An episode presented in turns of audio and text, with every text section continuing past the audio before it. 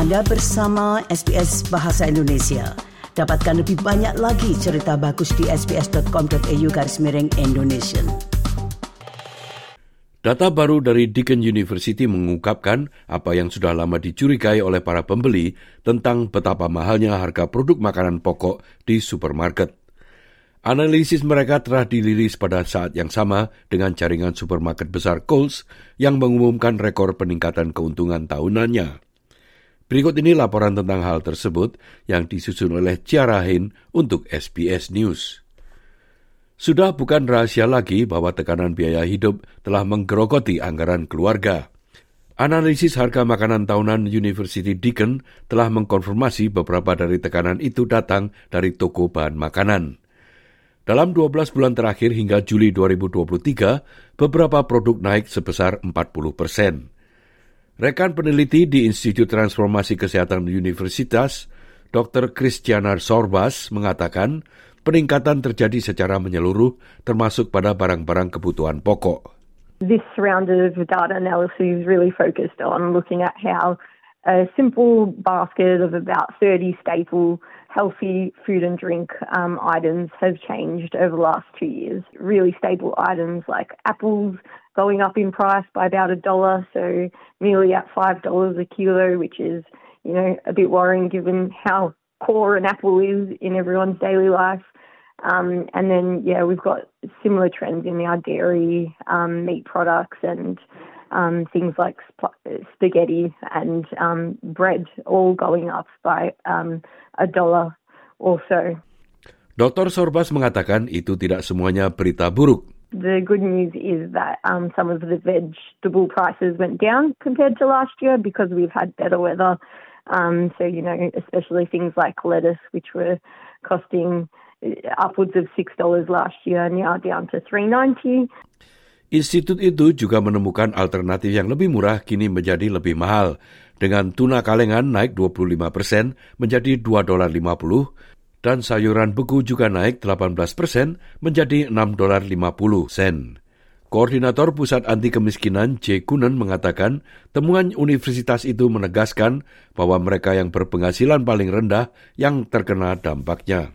We've known for a really long time that things have been getting really bad for, you know, people uh, trying to, you know, get access to food, let alone affordable food. But, um, you know, I think we were tipped off to it, uh, you know, quite a while back, even more than a year, I suppose, when, you know, people on payments were coming off, well, back to their normal rates uh, after COVID. And when there were supply chain issues, the first thing that people started to notice going was a lot of canned food and frozen foods, which is a, a staple that a lot of people on payments relied on. So those those were the things that started going, and it's only really kind of deteriorated from there.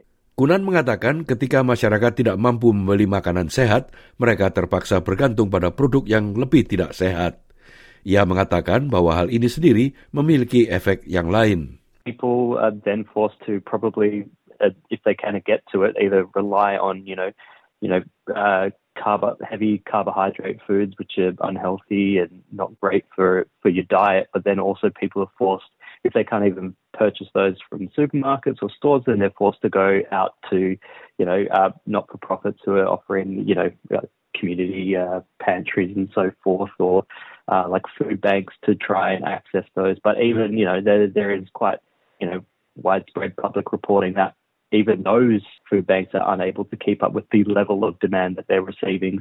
Anti-Poverty Center atau Pusat Anti Kemiskinan merupakan salah satu kelompok advokasi dan kelompok yang menyerukan peningkatan pembayaran kesejahteraan sehingga sesuai dengan garis kemiskinan Henderson yang saat ini sebesar 1.129 dolar 79 sen per minggu untuk keluarga yang terdiri dari dua orang dewasa dan dua orang anak. Kunan mengatakan mereka sudah menyerukan hal itu selama beberapa waktu. The other thing to bear in mind is even at the Henderson poverty line, which we are calling for, uh, and which was set during COVID, an ACOS report found that people were still, you know, going without meals. It did, you know, severely decrease the amount of people who were going without, but people were still going without even when payments were at the poverty line. So basically, in order to get that to where we need to be, we need payments at the uh, Henderson poverty line, and then we need to have a you know a modern measure of poverty so that we know what it actually costs for people to get by, and then we need to make sure it's set there and make sure that nobody is uh, without ever again. Sulit untuk tidak menyadari betapa mahalnya harga makanan dan produk tertentu di toko. Namun hal ini menimbulkan pertanyaan, mengapa hal itu bisa terjadi? Dr. Sorbas mengatakan itu adalah pertanyaan yang rumit untuk dijawab. The general story out there is that prices are accumulating across the supply chain in terms of transport and inputs into manufacturing and production. And then the um, supermarkets are passing those on to consumers. You'd hope in a country like Australia, where there is enough production, that we'd be able to keep prices stable and keep healthy diets affordable for everyone. So I think there are a lot of questions for us to be asking on why we're seeing what we're seeing. Data kenaikan harga itu dirilis pada saat yang sama supermarket raksasa Coles mengumumkan laba tahunannya.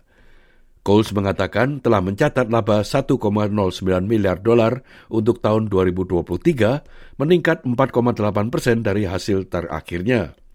Namun dilaporkan juga terjadi peningkatan pencurian.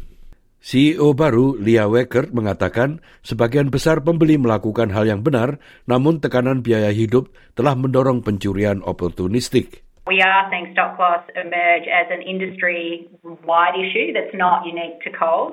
Uh, and the ARA actually in the last month or so has um, released some figures around the estimated impacts that shoplifting is having on the uh, entire retail industry. And we're certainly seeing retailers overseas, so the the likes of the retailers in the UK and the USA also talk about it as a as a significant issue. So it's not something that's unique to us; it's an industry wide and a global issue. Coles mengatakan akan mengatasi masalah pencurian itu dengan meningkatkan penjagaan keamanan di toko dan memperkenalkan inisiatif seperti kunci troli dan gerbang pintar. Itulah tadi pendengar sebuah rangkuman tentang harga makanan yang sedang meningkat yang disusun oleh Ciara Hain untuk SBS News dan disampaikan oleh Ricky Kusumo. Sukai, berbagi, komentar. Ikuti SBS program Bahasa Indonesia di Facebook.